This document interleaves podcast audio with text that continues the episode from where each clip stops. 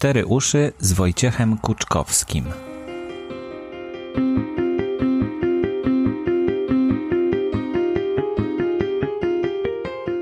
Cztery uszy to podcast Fundacji Otwórz się.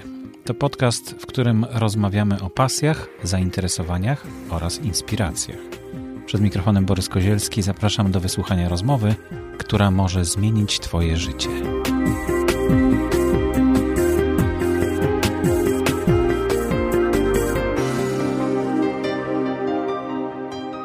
Dzisiaj mam zaszczyt gościć niezwykłego gościa. E, jest nim pan Wojciech Kuczkowski. Może przytoczę kilka fragmentów e, z Wikipedii na temat e, Wojciecha Kuczkowskiego. Pseudonim Jastrzębiec, urodzony 16 stycznia 1930 roku w Bielsku Podlaskim. Polski pisarz, poeta, prozaik, eseista, reportażysta, ekolog, nauczyciel i wychowawca młodzieży, instruktor harcerski, harcmistrz, działacz turystyczny i krajoznawca, żeglarz i miłośnik turystyki wodnej, podróżnik, autor książek i artykułów krajoznawczych, organizator powitania Unii Europejskiej na polskich wodach 2014 roku. To jest mniej więcej e, tyle tutaj we wstępie do hasła na temat e, Wojciecha Kuczkowskiego. Mam tę przyjemność, e, że udało mi się, zaprzyjaźniłem się z, z panem Wojciechem Kuczkowskim i teraz mówimy sobie już po imieniu, także nie będziemy udawać tutaj. Jest mi bardzo miło z tego powodu. Witam cię Wojtku w studiu. Witam ciebie i wszystkich słuchaczy. E, zaprosiłem cię do studia, ponieważ e, pracujesz nad niezwykłą serią takich zapisów audio E, ze swojego życia, ale nie tylko. Opowiedz nam o tym, jak ty to robisz i, i co, to, co to jest. No i to jest duża e, rzecz, którą się teraz zajmuję. Nagrywam prawie że co noc przez dwie godziny mówiąc, a nie zapisując, leżąc z głową na poduszce, na kołdrze trzymam dyktafon i mówię do niego, tak jakbym mniej więcej czytał. Y, to są y, takie duże rozdziały. Pierwsza to była, można powiedzieć, że tak na roz, dla rozgrzewki, ale duża seria wędrówki starego węd, y, gawędy starego wędrowca. Więc w gawędach starego wędrowca y, pisze o wędrowaniu po górach, następnie po, y, po, po wyżynach środkowopolskich, potem po lasach północy. E, to były piesze wędrówki, następnie kajakowe, też po, po całej Polsce, po prawie wszystkich rzekach. Potem żeglarskie, żeglarskie śródlądowe i morskie. Morskie na e, statku żaglowym Zawisza Czarny opłynąłem całą Europę, kiedy ona wypływała, Zawisza Czarny wypływał e, na wyprawę dookoła ziemską. Byłem, uczestniczyłem w pierwszym etapie tej wyprawy, tudzież w przygotowaniu e, statku do podróży z Gdyni do Pireusu. To było wtedy w marcu 1989 roku. A 15 maja byliśmy w Pireusie. I z Pireusu wróciłem do, do domu, do Warszawy, a potem e, w 98 roku Zawisza Czarny e, z Pireusu zawoził do Hersonia, tam gdzie jest pochowany Mariusz Zaruski, dzwon 300-kilogramowy Y, o nazwie generał Zaruski. Tamten dzwon został powieszony y, w, przed kościołem parafii Najświętszego Serca Jezusowego. No i, i dzwoni tam, gdzie przestało bić serce generała Zaruskiego. Tam od tej pory dzwoni dzwon generał Zaruski. To była taka moja ostatnia duża podróż morska. Czyli to wszystko w tej pierwszej części? Tak, w tych wędrówkach, wędrówkach mhm. starego, starego, w gawędach, o wędrówkach starego... Gawędy starego wędrowca. Tak, tak, mhm. tak. Plączę, przepraszam najmocniej. Następny, następny dział to była genealogia genealogia, moja rodzina ze strony ojca, moja rodzina ze strony matki, potem jak to się wszystko łączyło, rozgałęziało, rozwijało, jak, to, jak się ta rodzina y, pomału osiedlała w Warszawie od y, dwudziestolecia międzywojennego, a i jeszcze wcześniej, przed pierwszą wojną światową już babcia zamieszkała tutaj w Warszawie. No i z Warszawą jestem związany właśnie bardzo mocno, bo mieszkam już 52 lata yy, naprzeciwko Umszlak-Placu przy ulicy Karmelickiej, na rogu Stawek. Yy, tam, tam mieszkam i współdziałam z Muzeum Historii Żydów Polskich tam złożyłem, złożyłem to, co pozostawili Żydzi, którzy u nas się ukrywali, mianowicie taką lampkę hanukową. No ale to jest, to wszystko wchodzi w skład genealogii. Piszę także o mojej rodzinie, dzieciach, wnukach. No właśnie, właśnie nie piszesz, tylko mówisz. A mówię. I to mówię. jest właśnie najciekawsze o, w tym przedsięwzięciu. O, o, dzieciach, wnukach i prawnuczkach, którym, których mam trójkę. I teraz, teraz z kolei, aha, następnie skupiłem się na moich pomysłach. Na moich pomysłach, wśród których czołowe miejsce zajmuje strategia EWEN, ekologicznych węzłów energetycznych. To jest e, założenie takie, że w 300 gminach w pierwszym rzucie wzdłuż y, granicy y, wschodniej i, i północnej y, powstaną ekologiczne węzły energetyczne, elektrownie, na trzy gminy jedno. Taki event obejmowałby zasięgiem trzy gminy i te, elektrownie każda produkowałaby moc 35 megawatów no i zatrudniałaby 100, 150 fachowców wysokiej klasy po wyższych studiach i to dawałoby 100 ewenów. Więc rocznie, rocznie projektuje po 10 budować ewenów. Każdy mniej więcej koszt 200 milionów 200 milionów y, częściowo, a częściowo także dla inwestorów prywatnych budowa takich zakładów towarzyszących, jak na przykład yy, biogazownia, jak na przykład yy, gorzelnia, olejarnia, zakład recyklingu, następnie majątek rolny, to wszystko produkowałoby biopaliwo.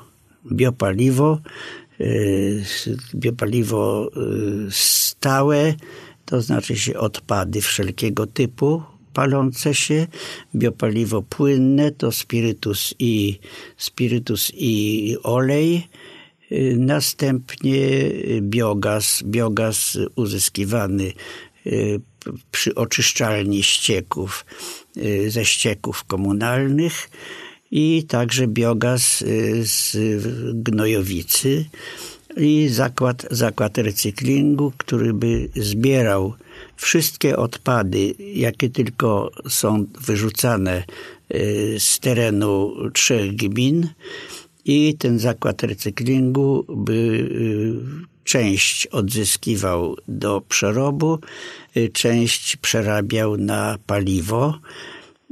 No i ten na paliwo, na przykład paliwo alternatywne z, ze wszelkich plastików, y, przerabiane na, na płyn, na płyn alternatywny tak zwany. Y, to jest płyn wielkiej wartości opałowej, na przykład z butelek PET, no i w ogóle z wszelkich plastików. Taki agregat panów Bilskiego i i jego przyjaciela pracuje, pracuje w, nie, w Niewiadowie. Co miesiąc wysyłają sześć cystern do, do rafinerii w Wiedliczach. Mają patent japoński, mają patent amerykański. W Polsce nikt, nikt nie wie o tym, że oni w ogóle pracują, istnieją, nikt nie korzysta z ich patentu. No właśnie to się stąd wzięło, chyba z potrzeby takiej. Yy... Tak, potrzeby, potrzeby przede wszystkim yy, komplementarności. Mhm. Komplementarność jest niezwykle potrzebna, bo ja jeszcze nie powiedziałem, że oprócz tych, y, ja podałem jedno, jedną stronę tylko źródeł energii, y, tą stronę rolniczą, ale jest jeszcze druga strona wiatrowa, wiatrowa i strona słoneczna. Mhm. Słoneczne, słoneczne baterie mm, dają ogromne możliwości.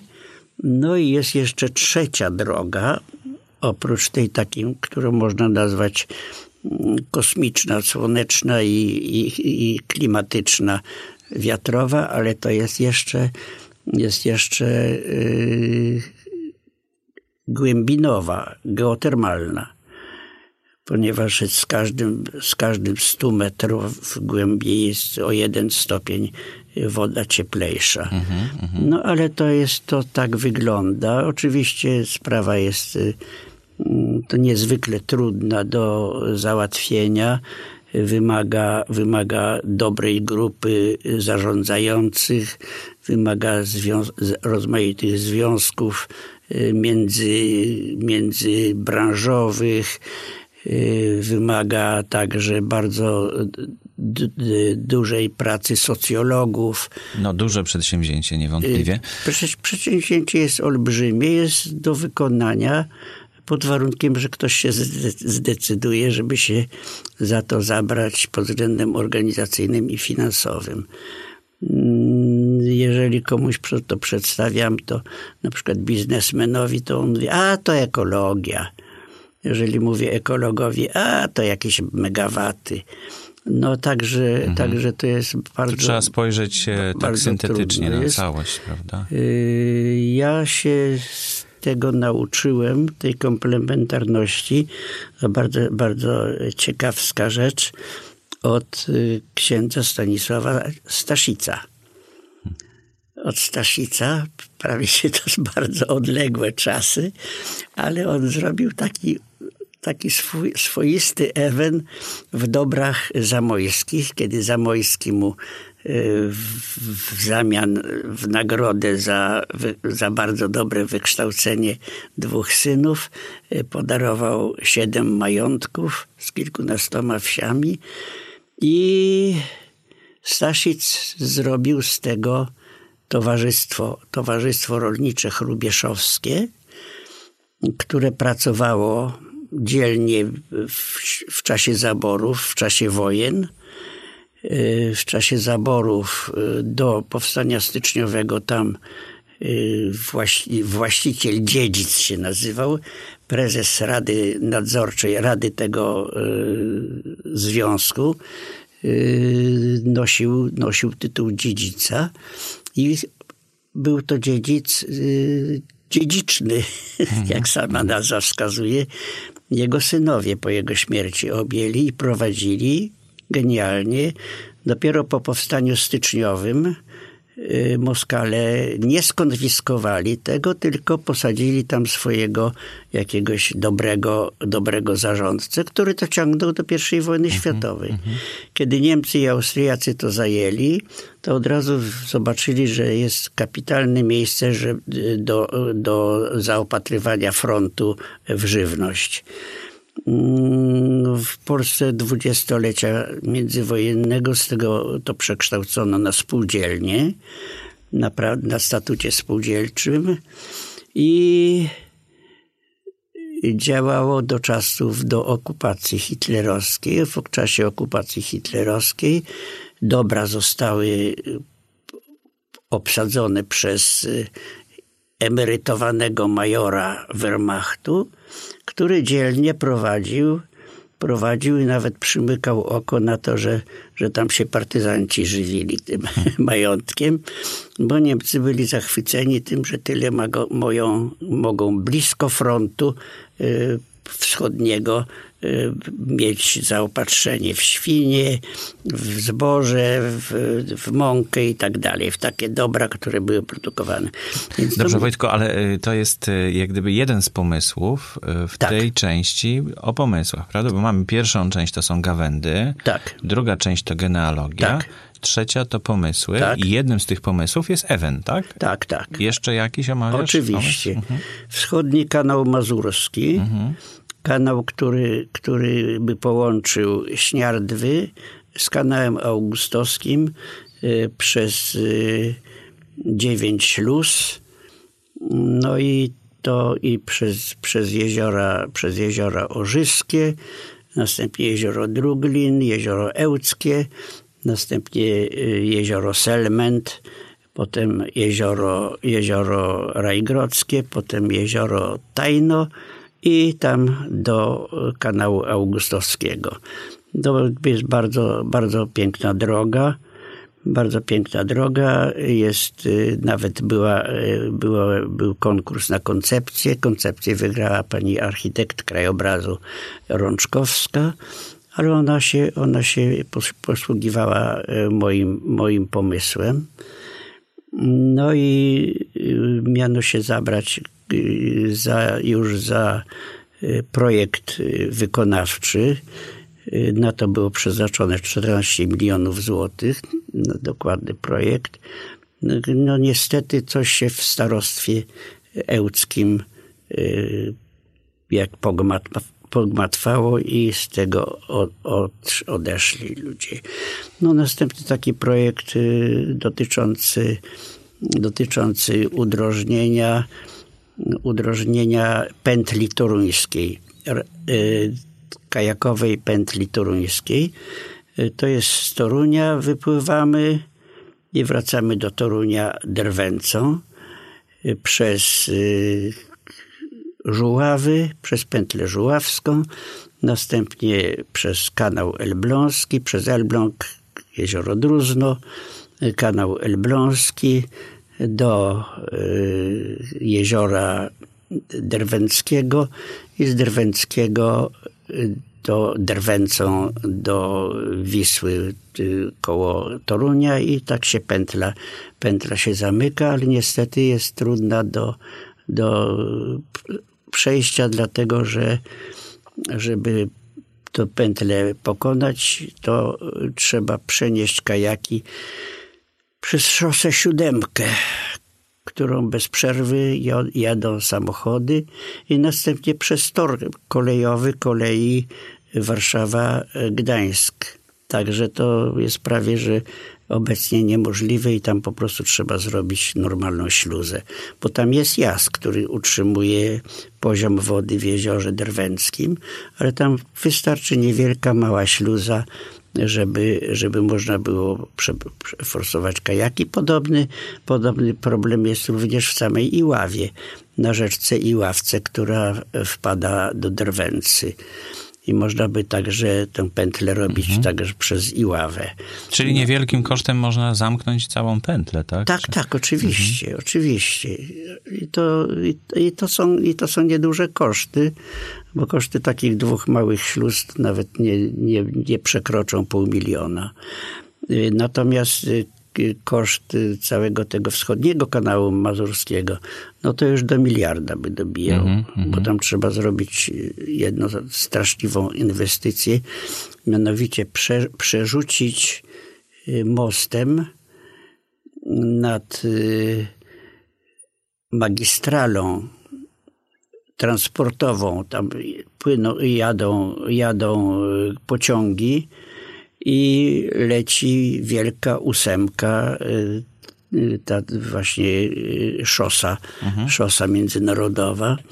I to można by próbować zrobić kanał przez to, ale to by za dużo za dużo zajęłoby pieniędzy przede wszystkim. No i byłoby niepożyteczne, natomiast taki y, mostem, pochylnią i wciągarkami wciąganie statków, tak jak jest na pochylniach y, y, kanału elbląskiego, to by, to by poszło, to by pożerało mnóstwo pieniędzy, ale opłaciłoby się. Bardzo by się opłaciło, poza tym byłoby bardzo, bardzo fotogeniczne. To są, to są te, te właśnie podstawowe pomysły, które, mm -hmm, które wymyśliłem. No, Czyli to jest ta trzecia część tak. i jeszcze są... To jest nas, następna rzecz, to jest filozofia. Mm -hmm.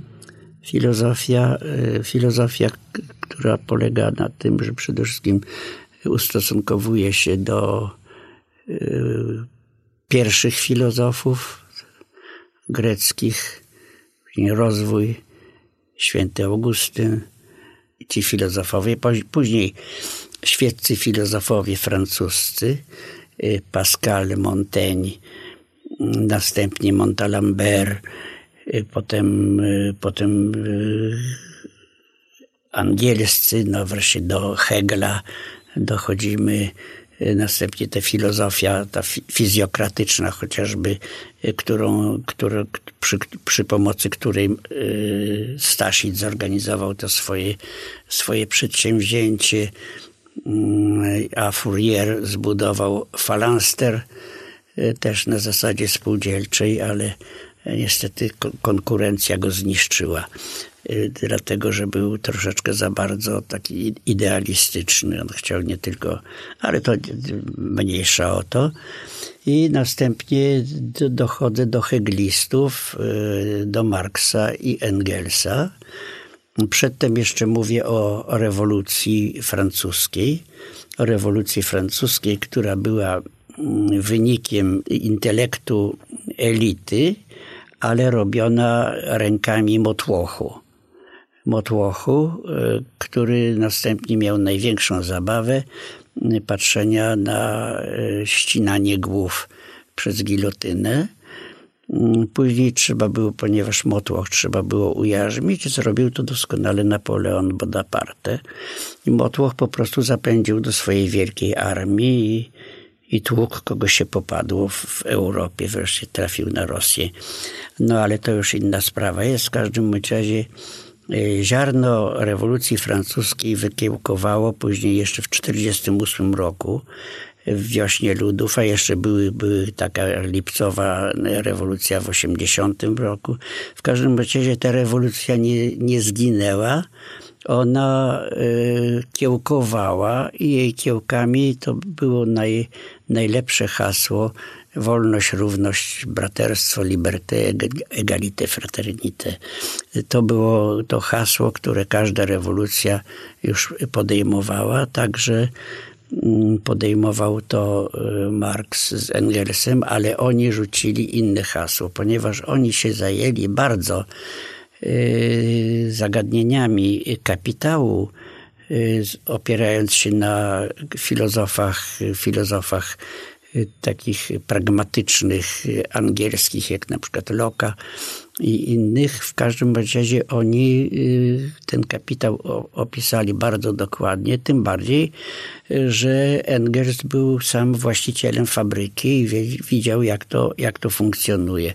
Oni opracowali na przykład taką rzecz jak jak kapitał, określenie kapitału przemysłowego, fabrycz, przemysłowego, handlowego, rolniczego i finansowego.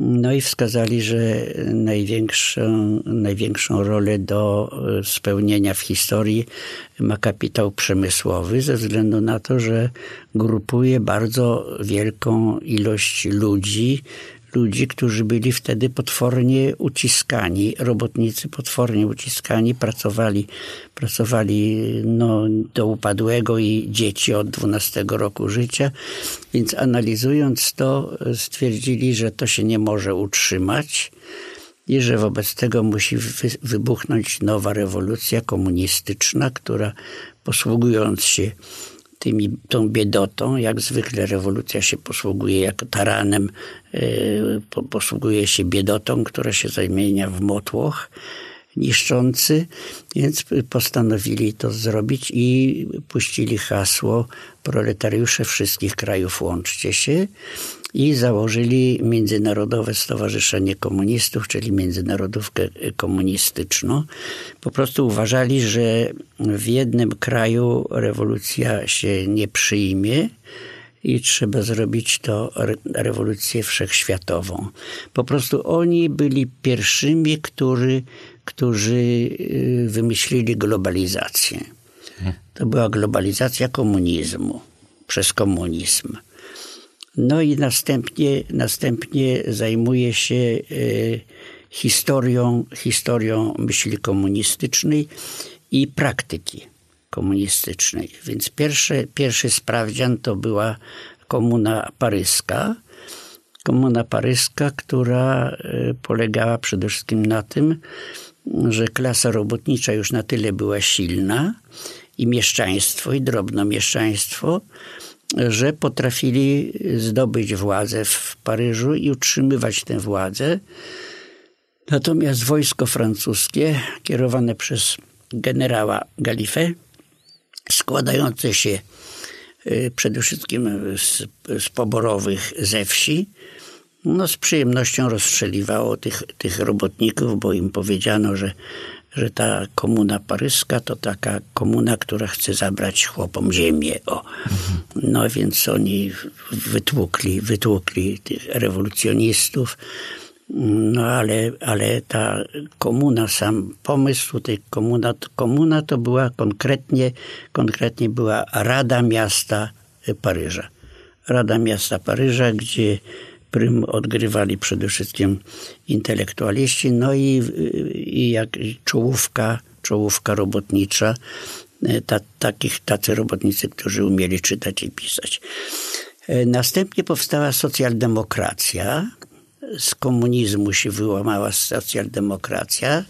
Jedno, jedno skrzydło, drugie skrzydło to anarchia. Anarchia y, działała w sposób przede wszystkim terrorystyczny. To byli terroryści tamtych czasów.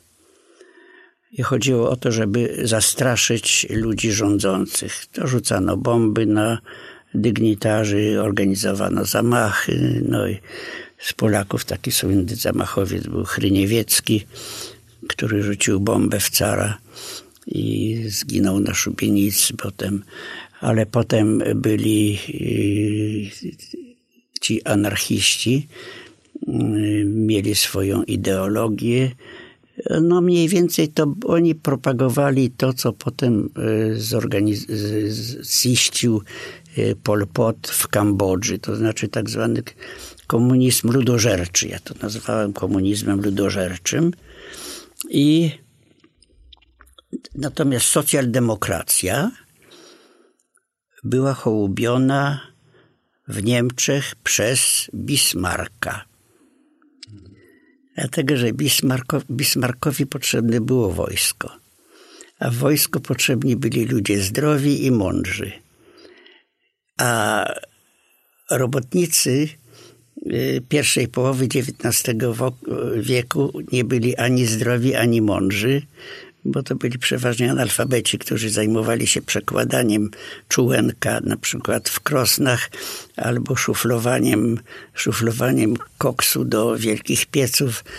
To byli ludzie po prostu zdegenerowani fizycznie, no i intelektualnie również. Wobec tego Bismarck zarządził ośmiogodzinny dzień pracy, e, zarządził budowę osiedli robotniczych, wtedy powstały familoki słynne na Śląsku, powstały, powstały domy dla robotników w Łodzi. No w ogóle w, pod całą, w całym zaborze, y, zaborze pruskim, można powiedzieć w Królestwie Pruskim, y, robotnicy byli traktowani nie tylko jako, jako biedne bydło robocze, ale jako współtwórcy Y, dochodu narodowego, no i obrońcy.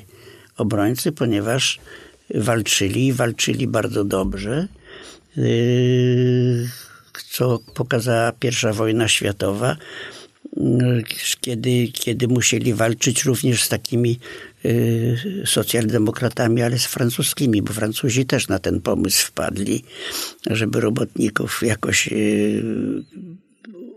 uzdrowić, uzdrowić i, i, no, i tam były szkoły, robotnik umiał czytać, pisać. No i także, także świe, był świetnym żołnierzem. No i ci robotnicy wzajemnie się wyżynali. Wzajemnie się wyżynali, wyżynali się także na froncie wschodnim. Na, na froncie wschodnim była nieco inna sytuacja bo tam byli, byli przede wszystkim Rosjanie, byli Ukraińcy, Polacy, Białorusini. To wojsko było i to wojsko było chłopskie. Chłopskie, które miało dosyć siedzenia, dosyć walki w okopach, dosyć życia okopowego, tego koszmarnego, pod ciągłym ostrzałem. I, i wobec tego intelektualiści y, rosyjscy z Leninem, Bucharinem, Rykowem, Trockim na czele, którzy byli na emigracji w Szwajcarii, y, zostali przerzuceni przez Abwehrę niemiecką zaplombowanym wagonem do Szwecji, następnie do Finlandii skąd mogli rozpocząć działalność, dlatego że oni śledzili w prasie, zobaczyli, wiedzieli, że, że to wojsko musi się zbuntować, a ponieważ partia socjaldemokratyczna, partia robotnicza Rosji y, działała już w podziemiu rosyjskim, tam działał w podziemiu również Stalin, który, który zajmował się dostarczaniem pieniędzy Leninowi na wydawanie, na wydawanie e, pism komunistycznych. Mm, zarabiał w ten sposób, że rabował banki i wysyłał Leninowi pieniądze do Szwajcarii. No i tam, czyli był wyspecjalizowany w takich rzeczach. No i oprócz tego yy, byli również y, agitatorzy w wojsku. Mhm. Wojtku, bardzo ciekawie opowiadasz o tym, ale to właśnie to jest treścią tej opowieści, rozumiem, tak? Tak, tak, tak. tak, mhm. tak Czyli ja... taka filozofia połączona bardzo z historią. Tak, i z e, polityką. Mhm. I z polityką. To jest, e, rozumiem, ta trzecia część, tak? tak? Czy jeszcze coś jest? E? No to teraz będzie, będzie ta dalszy ciąg po prostu rozważania nad globalizacją. Mhm. Nad globalizacją i nad tym, nad tym zjawiskiem współczesnego terroryzmu. To jest niesłychanie istotne, że właśnie powstała pewnego rodzaju mm, luka rewolucyjna, można powiedzieć. Tam, gdzie, gdzie ludy się zbuntowały, w Libii, Syrii, tam okazało się, że przechwyciło kierowanie tymi ludami y, takie typy typowo y, terrorystyczne, których jeszcze nie było w ogóle w historii. To jest zupełna nowość.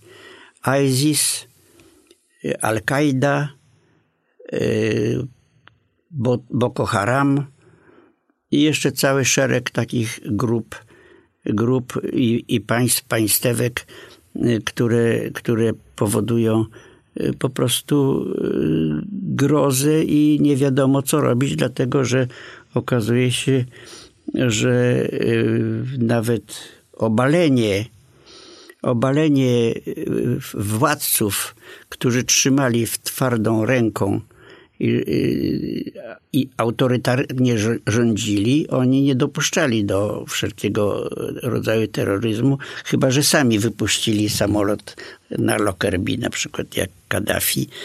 Ale kiedy zostali zlikwidowani, natychmiast na ich miejscu y, powstały, powstały tak zwane alternatywne, alternatywne quasi państwa. To jest bardzo, bardzo interesujący, bardzo groźny objaw i tym bardziej, że Amerykanie tak bardzo, bardzo e, się e, no po prostu poszkapili, popełnili straszliwy błąd, dlatego że rozwiązali armię iracką. Rozwiązali armię iracką i cała, cała ta armia e, tym rozwścieczona e, po prostu w dużej części przeszła właśnie na stronę, na stronę dżihadystów. Z tym, że tylko Kurdowie, kur, Kurdowie tylko e, skorzystali, bo mogli, mogli opanować trochę Kurdystanu. Ale to ja się wdaję w szczegóły teraz. W każdym bądź razie to jest, to jest zjawisko, które jest niesłychanie niebezpieczne i ludzie, ludzie budzą, budzą taką grozę, że ludzie zgadzają się ostatni grosz wysupłać, żeby sobie kupić miejsce w jakimś pontonie, żeby uciec do Europy, które się wydaje rajem dla tych ludzi. Raj dla tych ludzi, oni nawet jak mieszkają y, w namiotach takich le lekko ogrzewanych, Y, jakie stoją w kolejce po jedzenie y, i to oni są szczęśliwi. Oni są szczęśliwi dlatego, że nie słyszą wybuchów bomb. Nikt ich nie zabija. Są w raju europejskim. Taki mamy świat teraz, tak. Tak to, tak to wygląda mniej więcej i to będę, będę te, te rozwijał. No, zajmę się bardzo mocno Ameryką Południową, y, Czytam bardzo pilnie artykuły Domosławskiego, który bardzo pięknie objął schedę po kapuścińskim. I bardzo, bardzo dobrze, analitycznie pisze i o Argentynie, i o Brazylii, Ekwadorze, o Wenezueli. To są bardzo, bardzo ciekawe rzeczy. Ja się nad tymi sprawami y, zatrzymuję i, i opowiadam. No i tego będzie, będzie bardzo dużo. No. tak. Ale to bardzo fajnie, jeśli ktoś jest zainteresowany takimi tematami i twoim spojrzeniem na te tematy, no to, a to jest y, spojrzenie, które no, lata doświadczeń, lata doświadczeń y, i, i różnych, y, różnych rzeczy, które działy się w twoim życiu, prawda? Także to ja już słuchałem paru fragmentów dużej części tak. niektórych. Tak. I słucha się tego naprawdę bardzo, jak, jakby się czytało fantastyczną, świetną powieść. Bardzo mi miło. To, to rzeczywiście była fantastyczna powieść. Nie, nie fantastyczna w sensie, że tak. fikcyjna, tylko tak, że tak. po prostu, że jest e, dobrze, dobrze napisana, a tutaj dobrze się tego słucha, także to dobrze. myślę, że jak to będzie skończone dzieło, to wszyscy się ucieszą z tego i będą zadowoleni. No niedługo skończę. Niedługo skończę, ale bardzo mi się to spodobała ta robota. Ręka się nie musi męczyć przy pisaniu. No właśnie. E, to jest chyba taka ciekawa forma, prawda? Przekazywania tak, treści. Tak, bardzo, bardzo sympatyczna, tylko no, syn, syn za, za każdym razem to wgrywa w swoje, w swoje tam zasoby, zasoby mm. informacyjne. To, to nie, nie zginie. No, byłoby dobrze to wydrukować, ale wątpię, czy się ktoś znajdzie odważny i zechce drukować takie herezje, bo ja tam dużo... W dzisiejszych czasach to już druk przestaje mieć takie znaczenie jak kiedyś. Tak mi się wydaje, że po prostu łatwiej jest ten przekaz, a poza tym jest bezpośredni przekaz w ten sposób, bo, bo tak to musiałbyś e, to, co myślisz, przelać na papier, potem to jeszcze się zmienia w trakcie redakcji, no prawda? I, i wy, wydawca będzie się wybrzydzał. Właśnie, tak. a tak jest to bezpośredni, zupełnie twój przekaz mimo że nie, może nie do, doszlifowany, może nie... Oczywiście, no. że nie, jest, nie może być doszlifowany, dlatego że ja powinienem wiele rzeczy od razu mieć encyklopedię no pod ręką, mhm. zaglądać w, tam, y, ale ja, ja Bo tak się pisze książkę. Posługuję się wyłącznie y, moim zasobem y, wbudowanym w neurony mojego mhm, mózgu. także, także tutaj tym, ale myślę, że że mam na tyle rozległy ten ogląd i, i po prostu emocjonalne zainteresowanie, bo mnie bardzo, bardzo y, interesuje i niepokoję się o przyszłość ludzkości, przyszłość cywilizacji. Y, dlatego między innymi Eweny, Eweny mają stworzyć nową, nową strefę cywilizacyjną w Polsce. Bo te 100 ewenów, które zaprojektowałem, to właściwie tylko początek. To gdzieś przez 10 lat budowa 100 mhm, ewenów, mhm. prawda? No tak. No i to... No może uda się właśnie coś e, zrobić, bo to rzeczywiście wymaga zainteresowania e, takiego wielu, wielu ludzi z różnych dziedzin naraz. Ach, tych ludzi z różnych dziedzin to można bardzo łatwo wynająć, dobrze opłacając. Ale, Ale chodzi żeby o de- decyzyjnych, tak, właśnie, o zainteresowanych, mhm, decyzyjnych i mających do czynienia z pieniędzmi. Dokładnie. Bardzo dziękuję Ci, Wojtku, że zechciałeś przyjść do mnie do studia i, i, ze mną porozmawiać chwilę o tych, o tych nagraniach, które wykonujesz. Czekamy z niecierpliwością w takim razie, jak będą zakończone. I na pewno e, informacje będzie można znaleźć e, również w internecie.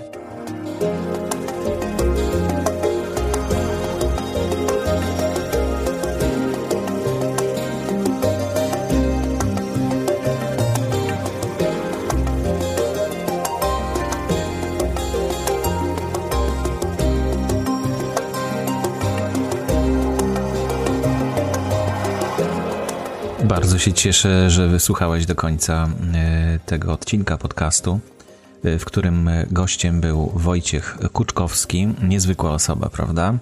E, cieszę się, że jeszcze słuchasz, bo audycja była długa i będę bardzo wdzięczny, jeśli zechcesz podzielić się swoimi refleksjami na temat tego, co mówił Wojciech Kuczkowski na stronie iTunes. Tam są oceny i komentarze i zapraszam tam do, do umieszczania właśnie komentarzy i opinii, jakichś sugestii, może, może coś Ci przyszło do głowy w trakcie audycji.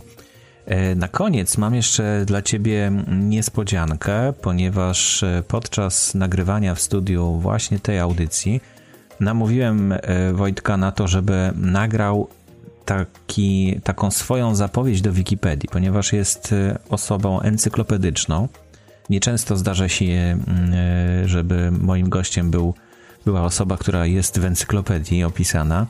E, powiedziałem mu, że jest taki pomysł na to, żeby oprócz ilustracji fotograficznej i opisu na stronie Wikipedii, żeby zamieszczać również próbkę głosu e, tej osoby, która jest opisywana właśnie w Wikipedii.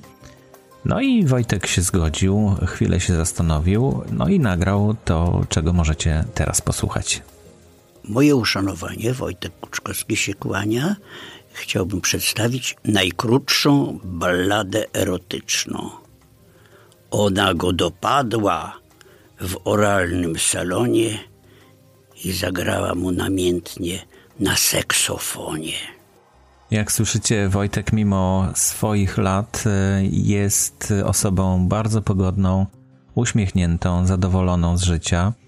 E, życie go nie rozpieszcza w tej chwili, ale jak słyszycie, jest e, pełen pogody i dobrej nadziei. Kiedy ukażą się nagrania, o których mówił Wojtek, to jeszcze tego nie wiemy, bo jeszcze nie jest skończony ten cykl. Będę odzywał się do niego niedługo żeby się dowiedzieć, jak tam jego postępy i być może mm, uda mi się pomóc mu w czasie wakacji, żeby mm, stworzyć z tych nagrań jakąś większą całość i e, opublikować e, dla Was. Być może raz na jakiś czas będzie taki e, odcinek poświęcony właśnie historiom osób, które, z którymi rozmawiałem w tej audycji, żebyście mogli dowiedzieć się, co u nich słychać. Informacje znajdziecie na stronie w4u.podcasty.info. E, będzie mi bardzo miło właśnie, jeśli zajrzysz e, na stronę podcastu, zapiszesz się na newsletter, który e, jest tam uruchomiony, tak żeby móc otrzymywać kolejne audycje, kolejne informacje o tej audycji bezpośrednio do swojej skrzynki e-mailowej. Na samym dole strony jest przycisk, który służy do zapisania się na taką subskrypcję newslettera ale oprócz tego można zapisać się na subskrypcję podcastu i to jest e, bardziej efektywne, bo wtedy w czytniku e, podcastów możecie od razu sobie odsłuchać kolejną audycję.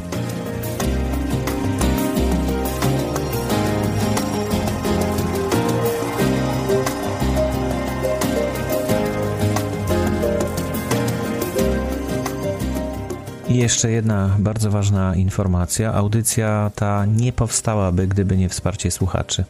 Bardzo dziękuję za każdą złotówkę dotacji na działalność fundacji, którą można przekazać na stronie otwórzsie.org.pl dotacje.php. Można dopisać w tytule wpłaty cel, który wspierasz. Będę bardzo wdzięczny za każdą złotówkę. I to już wszystko na dzisiaj. E, zapraszam wkrótce kolejna audycja. E, jeśli będziecie subskrybować, to dowiecie się o tym jak najszybciej. Ja nazywam się Borys Kozielski. Do usłyszenia.